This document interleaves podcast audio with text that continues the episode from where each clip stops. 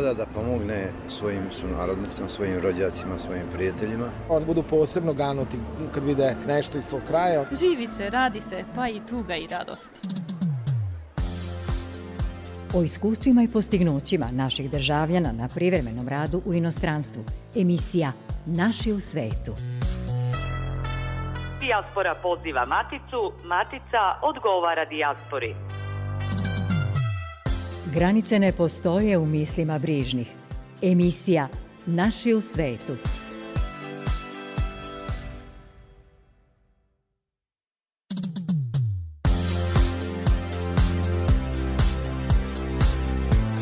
Dobar dan. U narednih 40 minuta u emisiji beležimo kulturu i tradiciju kojom nas Kadarli dočekuju su narodnike iz sveta koji rado posećuju to mesto kada dođu na odmor u Maticu. Predstavljamo naše operske umetnike koje je aplauzima dočekala publika u Severnoj Makedoniji. Čućete i kako se po svetu snalazi naša spisateljica koja se na svom proputovanju javlja iz Kolumbije. Sa nama su kolege iz Radio Beograda 1 i Makedonskog radija sa svojim zapisima iz rasejanja koje međusobno solidarno razmenjujemo. Za tonskim pultom je Boris Đuranin, ja sam Goran Pavlović. Direktor Uprave za saradnju s dijasporom i Srbima u regionu Arno Gujon dobitnik je nagrade Ćirilična darovnica, a priznanje za zaštitu i promociju Ćirilice dodeljeno mu je na manifestaciji Ćirilična baština na Dan slovenske pismenosti 24. maja u Bajnoj bašti. U obrazloženju se navodi da je Gujon nagrađen zbog otvaranja škola na srpskom jeziku u inostranstvu, pomoći školama na Kosovu i Metohiji, učešću u karavanu kulture govora, ali i zbog toga što koristi Ćirilicu u objavu objavama na društvenim mrežama, prepoznajući koliko je to pismo značajno za očuvanje našeg nacionalnog identiteta. U Dečijem kulturnom centru Beograd danas je održan svečani koncert u okviru festivala dece i mladih iz regiona, dijaspore i Srbije, Svesrpski dečiji sabor, koji se održava do 29. maja, a tokom kojeg deca i mladi iz rasejanja borave u srpskoj prestonici, kako bi upoznali svoju zemlju porekla i njene kulturne tekovine. Gde god neko govori srpski, predstavlja našu zemlju i čini most između Srbije i sveta, rekao je dočekujući decu direktor Uprave za saradnju s dijasporom i Srbima u regionu, Arno Gujon. Sad ćemo da vidimo kako deca koja žive, koja su se rodila u inostranstvu, čuvaju svoj jezik, svoj identitet, svoju kulturu. Iako žive okruženi ljudima koji ne govore ni taj jezik i koji nisu nosioci te kulture. I to treba da pokaže svima nama koji živimo ovde u Beogradu, da gde god ima Srba gde god neko govori srpski, gde god neko nosi u sebi srpska kultura, onda mi smo predstavljeni. Zato što svako dete koje nosi sve to u sebi, a živi van naše lepe zemlje ovde, je zapravo most između Srbije i sveta. Svako od vas stvara te male mostove tako što primate u svoje domove, u svoje kuće, naše drugare, iz tih zemalja koje sam spomenuo na početku, oni se trude da nauče i ćirilicu i srpski jezik. I verujte mi, nije baš lako. I nije lako kad u školi se priča drugi jezik, kad na ulici se govori takođe drugi jezik, kad idete na futbal, na balet, bilo gde, priča se drugi jezik. Ta deca se trude, ali vi koji ste rođeni ovde, vi treba da budete svesni da se oni ugledaju i na vas. Jedna od turističkih destinacija u Srbiji koju su narodnici iz dijaspore često posećuju je Beogradska skadarlija. Bojemsko mesto poznato od davnina, čuvajući tradiciju, mesto je koje rado posećuju svi koji žele da upoznaju srpsku kuhinju, muziku i da čuju za neke istorijske događaje sa ovih prostora. Jedno od njih ispričala nam je promoterka tradicionalnog restorana na Skadarliji Ina Pavićević. Slušali smo i o susretu dame Skadarlije sa našim ljudima iz sveta, a razgovarali smo i sa prodavačicom srpskih suvenira koji su traženi. Bogatu ponudu Skadarlije za sve goste u našoj zemlji donosimo vam u dva dela. Ina, vi ste promoter jednog restorana ovde na Skadarliji. Koliko često ljudi iz dijaspore dođu na Skadarliju kada se vrate u Maticu?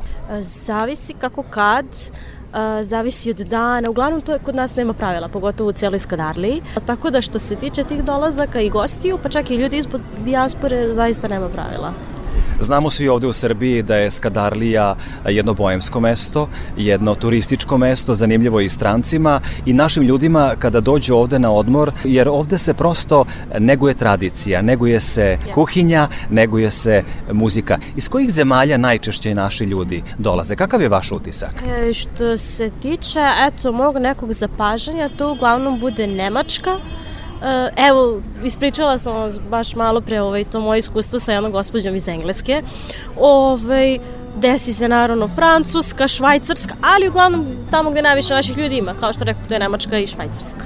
Ponovite tu priču za slušalce Radio Novog Sada i emisija Naši u svetu sa gospođom iz Londona. Pa to je bilo, da, jako je neko neobično iskustvo. Uglavnom, eto, moj posao je ovaj, da pozivam goste i ovaj, u razgovoru sa njenom prijateljicom ja sam čula da oni pričaju na engleskom jeziku i sad mene je oduševio taj njen akcenat i pomislila sam da je baš London u pitanju.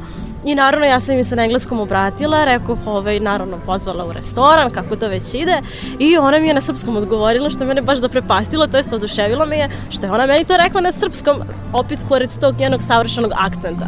I ja rekao, molim vas, izvinite, ja sam mislila koliko imate lep akcent, da ste iz Londona, a ona kaže da, tamo i živim zapravo, ovde sam došla eto sa prijateljima da se malo podsjetim, da pogledam šta se promenilo i tako.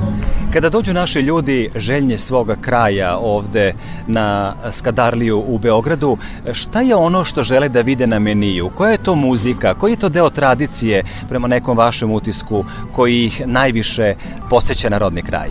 Naša muzika, koliko ja primećujem, se prati i u inostranstvu, bez obzira ovaj, što su ljudi tamo i što koliko toliko nisu u toku, mislim da ipak muzika nešto što prelazi, da kažem, te granice. To su neki, recimo, hitovi kao što su Pukni Zoro, to sva hoće da naruči, pogotovo, pogotovo stranci, to jest ljudi iz dijaspore. Mislim da je prosto Skadarlija nešto što ne može svuda da se vidi u svetu, prvenstveno zato što datira još od Turaka, to je svima nama poznato da je ovaj, ulica toliko stara još dok je bilo njihovo vreme ovde i da se mnoge stvari nisu promenile, prosto a, ljudi imaju koji su prvi put ovde priliku tu da vide kako je nekada bilo. Ne od ulice koliko već i u samim restoranima, pa čak i fasade, koliko god one izgledale i okrenjeno i staro. Mislim da je ona posebna baš po tome ovaj, što se ne dira, iako je koliko toliko vreme a, oskrnavilo, mislim da je posebna baš po tome zato što se ovaj neguje taj stari izgled i prosto mislim da je to nešto posebno što ne može da se nađe svuda u svetu.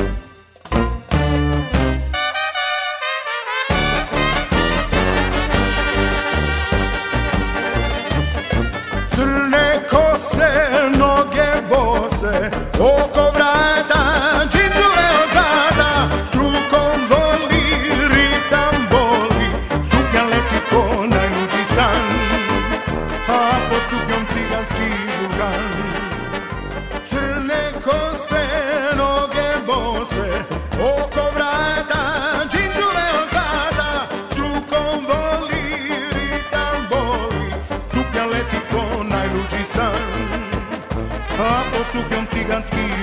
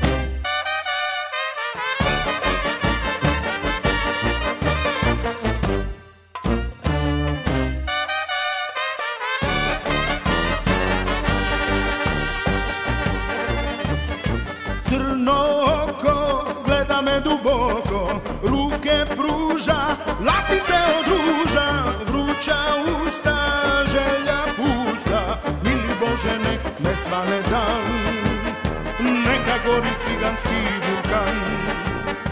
Crno oko gleda me duboko, ruke pruža, latice od ruža, vruća usta, želja pusta, mili Bože nek ne svane dan, neka gori ciganski vulkan.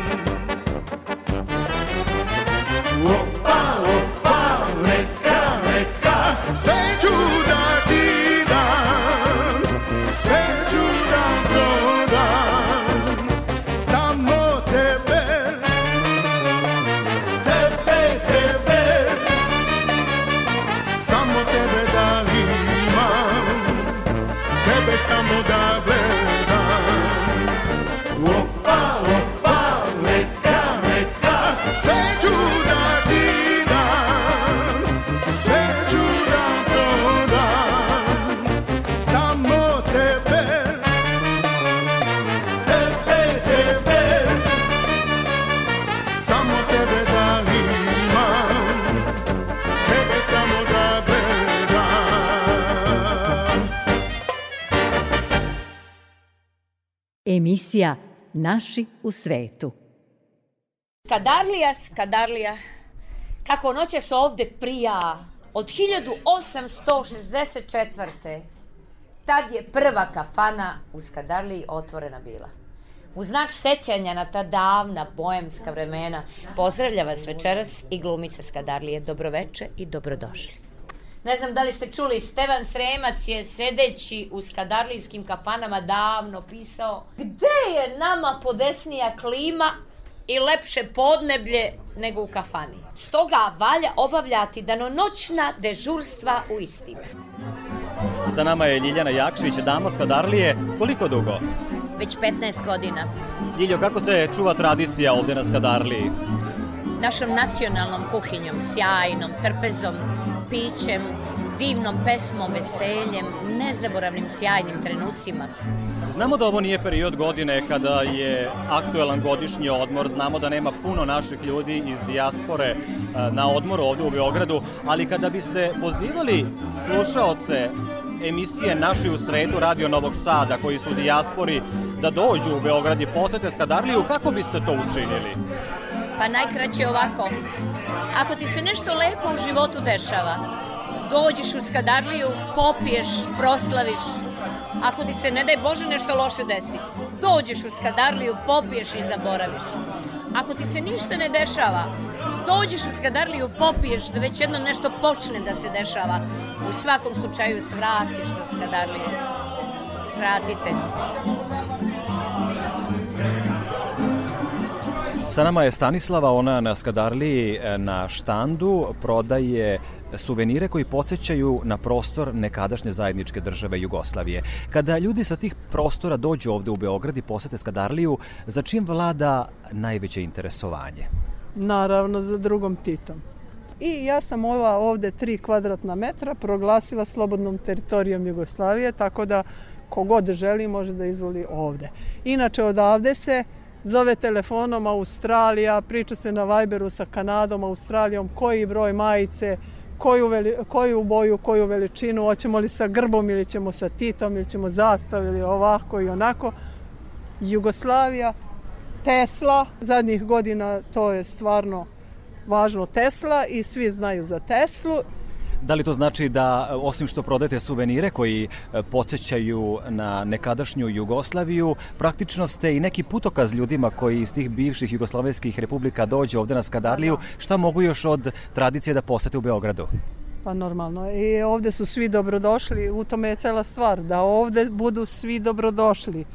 Naravno, Jugoslovenija i svi ostali ljudi sveta, to je neophodno ovom gradu i ovoj zemlji. Dakle, da ima neko mesto gde su svi dobrodošli.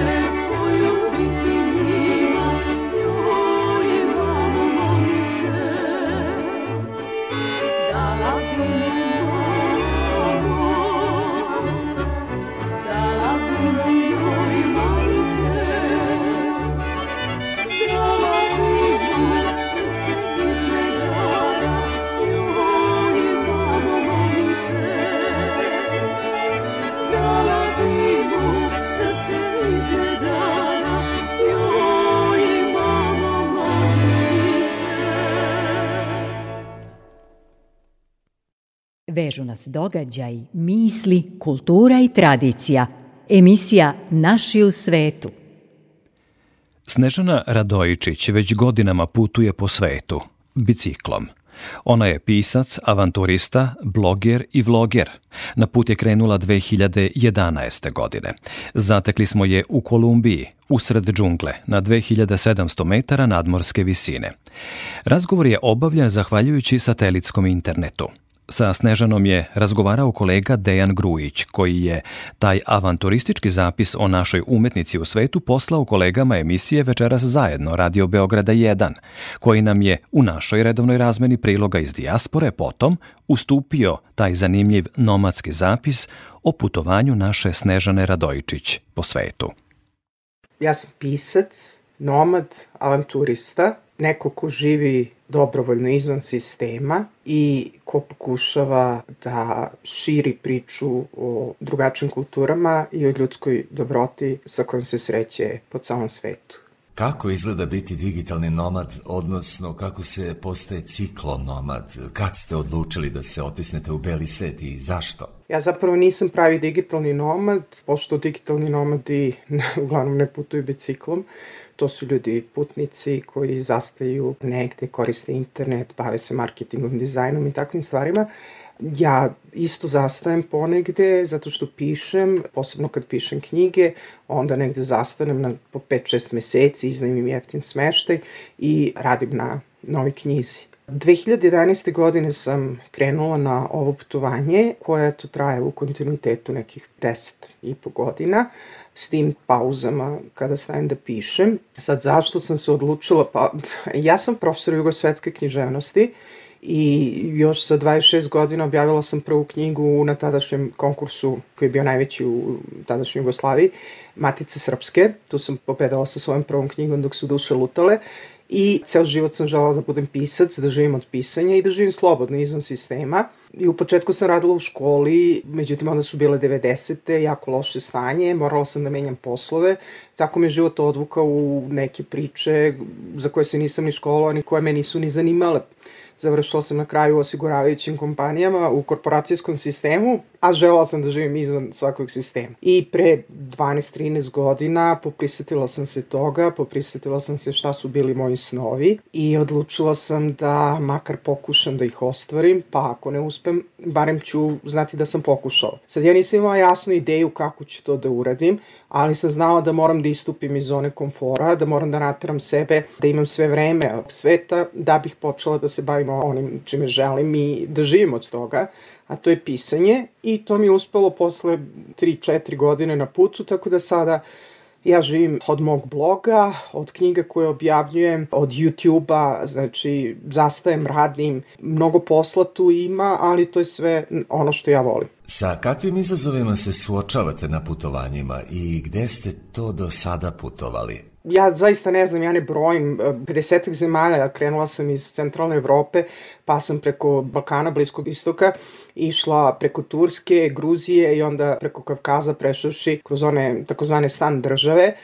I tako do Kine, pa iz Kine sam se spuštala u jugoistočnu Aziju, stigla sam dole sve do poslednjeg ostrova u, u Indoneziji i iza njega istočnog Timora koji je na 100 km od Australije, pa sam se vraćala gore na Borneo ima ta ostrova, pa sam bila u Japanu, u Severnoj Koreji, pa sam se vratila na Balkan, radila sam e, neke pešačke ture, e, Camino de Santiago u humanitarne svrhe i odatle sam na kraju za novu godinu 2020. doletela u Argentinu, u Šuaju, što je najjužnije nasiljeno mesto na planeti. Odatle sam krenula na sever, zatekla me pandemija u Patagoniji, morala sam da odsedim tamo šest meseci u jednoj šumskoj kabanji. Nakon toga sam nastavila, tako da, evo sad sam u Kolumbiji trenutno.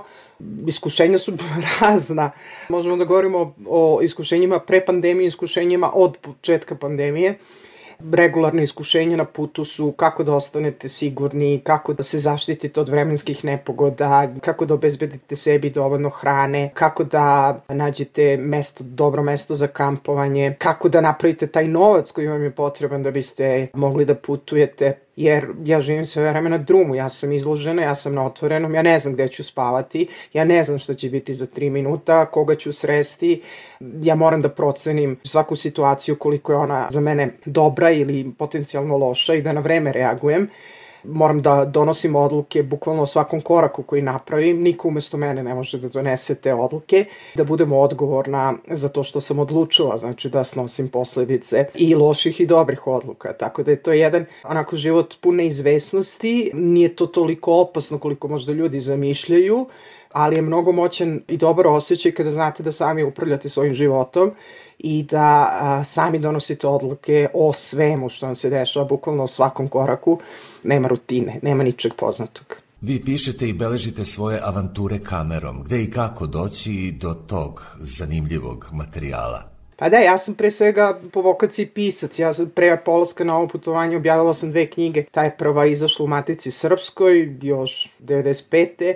Druga izašla 2005. zbirka priča u izdanju Narodne knjige. A potom sam knjige sa putovanja objavljivala sam sama, dva naslova je reobjavila Laguna, pa su, nakon nekoliko godina su prestali da reobjavljuju, tako da opet sama objavljujem i sama pravim ta reizdanja. Preko mog sajta mogu knjige da se naruče, trenutno su dostupne Planete Japanaca i zbirka priča o čudima ljudske dobrote koje sam doživala kroz Evropu i Aziju, koja se naziva Svedočenja o zemljanima naručuju se i postoji PDF izdanje knjige o Severnoj Koreji, pošto je to knjiga koja sadrži 400 fotografija i nisam u prilici da radim drugo izdanje, prvo se prodalo. Gde ste trenutno i šta planirate za neke buduće dane? Trenutno sam u Kolumbiji, na jugu Kolumbije, centralni južni deo, Potomajo grad je najbliži o, o mestu gde se nalazim.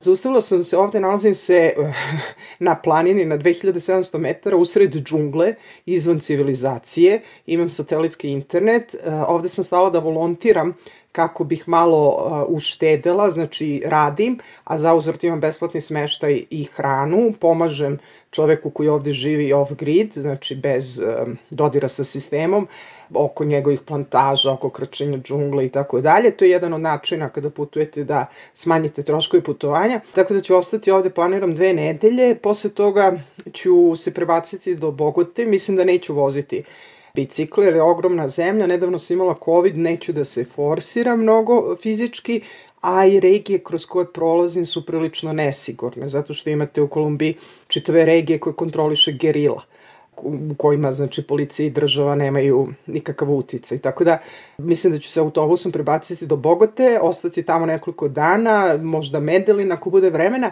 i za kraj mog boravka u Kolumbiji, pošto ne mogu da ostanem duže od tri meseca, planirala sam opet jedno volontiranje u jednom lokalnom plemenu, ali zaista plemenu koje i dalje živi izvan civilizacije, na samoj granici, na, znači severoistočno Kolumbija na granici sa Venecuelom, a oni isto nemaju struju, nemaju znači nikakvih dodira i tamo ću provesti dve nedelje. Mislim da će učeći o njihovim običajima, o tradiciji imaću i prevodioca, tako da ovaj, unapred se radujem tome jer mislim da će biti dobra priča.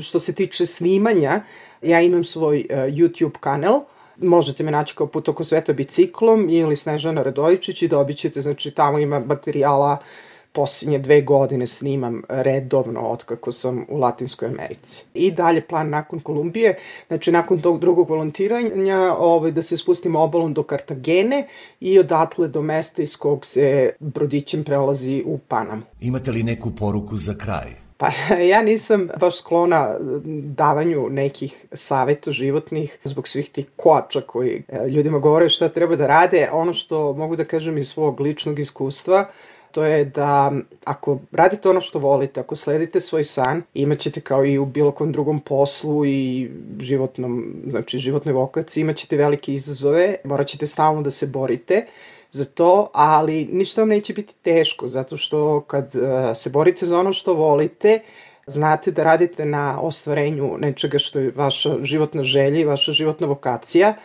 radit ćete to i dalje ćete osjećati da ste srećni, bez obzira na probleme i prepreke koje treba da savladate. Tako da, nema lakog puta do, do ostvarenja svog sna i borba je neprekidna, ne možete da ostvarite svoj san i da kažete je gotovo, to je to, sad sve četiri uvise, neću ništa više da radim. Morate stalno da se borite za svoj san, ali to je jedino ja mislim što vredi jedino što, što čovjeka zaista čini srećnim i da, da ispuni svoje potencijale, ono zbog čega je na kraju krajeva i tu na planeti. Para, para,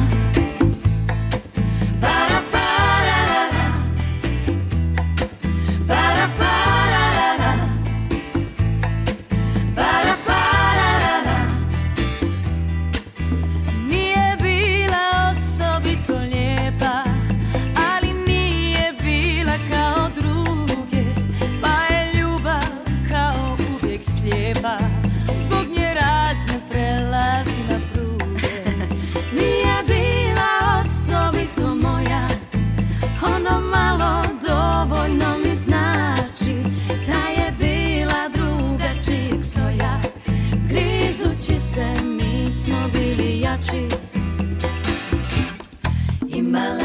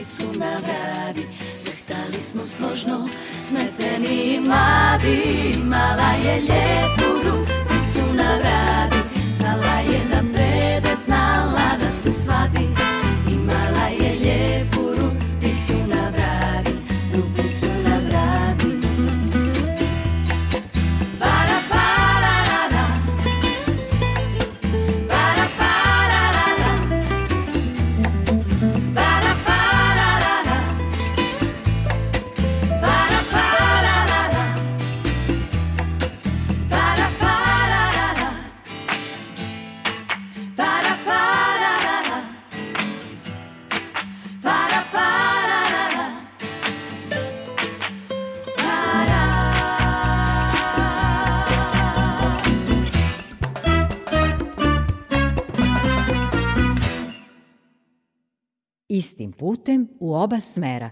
Emisija Naši u svetu. Srpska škola iz Čikaga, Akademija Sveti Sava, proslavila je 20 godina rada i postojanja. Gala veče propratili su prigodan program, druženje i muzika. Skup je imao i donatorski karakter. Veliki broj gostiju, a i onih koji su tokom godina uvek bili tu, nesebično su pomagali Akademiju i učestvovali u očuvanju srpske kulture i jezika. Okupljeni su podržali rad Akademije Sveti Sava i pomogli u prikupljanju sredstava za izgradnju nove školske zgrade. Specijalni gost bila je glumica Katarina Radivojević. Ivan Tomašev, operski pevač, bas iz Beograda, posetio je Severnu Makedoniju gde je igrao sa Makedonskim narodnim teatrom sa kojim sarađuje godinama. U Skoplju se održavaju majske operske i baletske svečanosti, a gostovanje našeg operskog umetnika u tom gradu zabeležila je Jelena Malenkova iz srpske redakcije Makedonskog radija.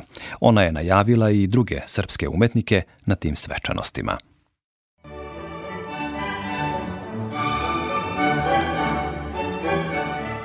Na sceni Makedonske opere i baleta 50. majske operske večeri. Sedam operskih i baletskih predstava na sceni Makedonske opere i baleta u toku ovih mesec dana. Na otvaranju u operskoj predstavi Norma, operski umetnik i jedan od velikih tenora, gospodin Ivan Tomašev iz Srbije. On je nekoliko puta bio na majskim operskim večerima i deo je ove velike ekipe.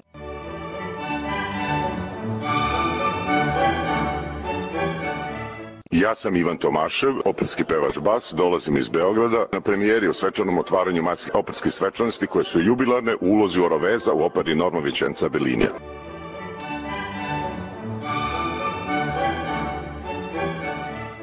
Hvala, pa kao što ste već najavili i sam jubilej je veoma, veoma lepa prilika da se čovek podsjeti divnih predstava koje su ovde otpevane, divne saradnje sa Makedonskim narodnim teatrom koji u mom slučaju traje od 1991. godine kada sam došao na moje veliko iznenađenje na poziv od velikog makedonskog dirigenta koji se za gospodin maestro Vančo Čavdarski kada sam prvi put nastupio na ovoj, na ovoj sceni.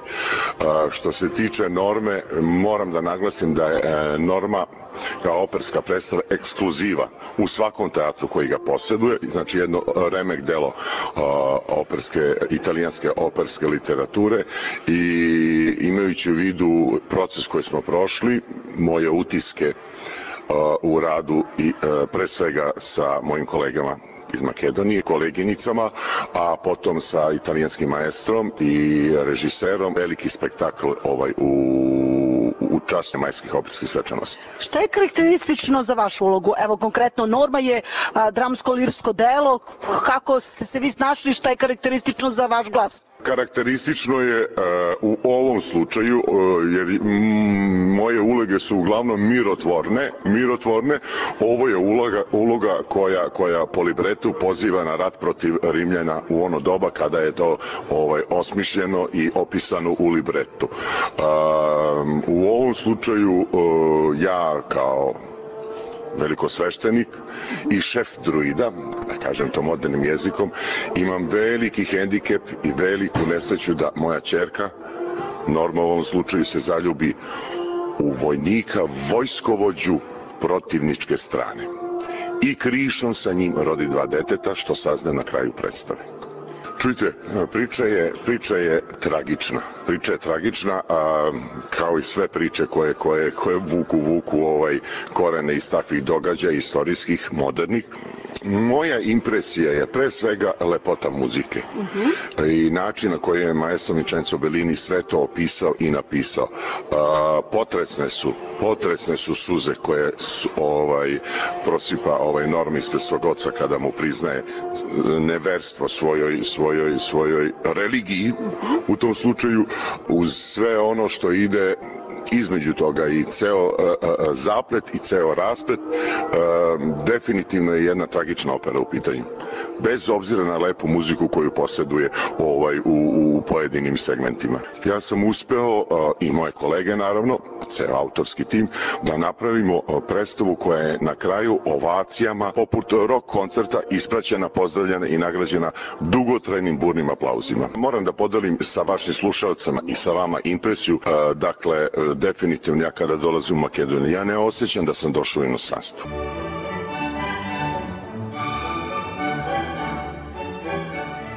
1991. godine u Aidi prvi put je nastupao na sceni makedonske opere i baleta, a 1985. godine prva njegova uloga u Novom Sadu bila je u serviskom Berberi.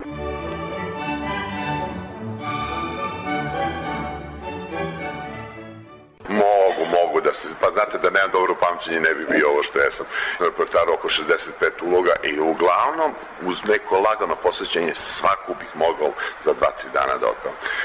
Znam, prva moja uloga u životu je bila 1985. godine, o, još za vreme e, studija solo pevanja na Novosadskoj akademiji, naime posle položenog nekakvog kolokvijuma e, ukazala se potreba za dubokim mušnim glasom u Novosadskoj operi.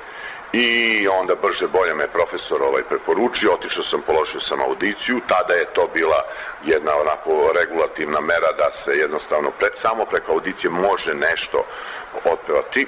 Položio audiciju i moja prva operska predstava je bila u Seviljskom Berbenu, znači jedna epizodna uloga, to je takozvani Fiorello, koji se pojavljuje na samom početku opere. Posle toga su vrlo, vrlo brzo usledile mnogo, mnogo ozbiljne stvari i jednostavno zagazio sam na teren profesionalizma, počeo sam time da se bavim intenzivno i evo me, tu sam do danas.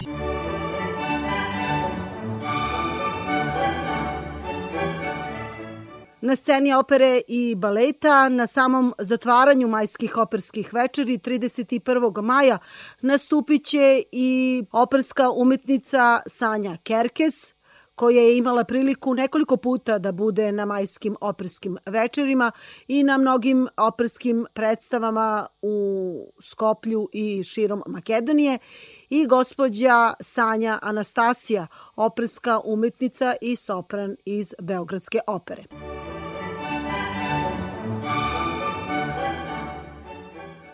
Makedonsku operu volim i smatram malte ne svojom drugom kućom. Verdi je uglavnom uvek na mom repertoaru, Donizetti i evo Bellini, to je isto nešto što ja volim i što, koji repertoar volim da pevam. Uopšte, znači, italijanski repertoar obožavam da pevam.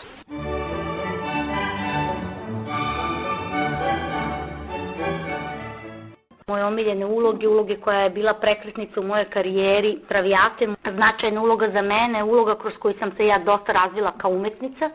Sa pevačke strane to je stvarno san svakog soprana, to je e, zovu, što je telo, e, to mi pevači u žargonu kažemo što je telo za tenora, to je Traviata za soprana. Ali e, izuzetne tehničke zahtevnosti, ali izuzetne glumačke zahtevnosti. I čovjek, ja mislim, sa pevačkom zrelošću da može ipak sve to da donese.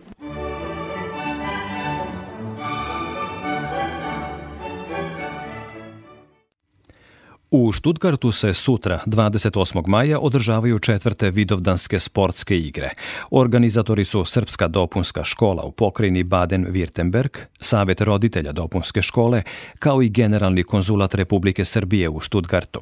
U okviru tog sportskog susreta održat će se kroz RTS-a kao i turnir u futbalu. Narednu emisiju, poštovani slušalci, pripremamo za sledeći petak. Od 19.5 čućete nove zapise iz regiona i dijaspore. Sve informacije u vezi sa emisijom potražite na Facebook stranici Naši u svetu RTV. Odloženo slušanje je na našoj internet stranici rtv.rs. Prijatno vam veče.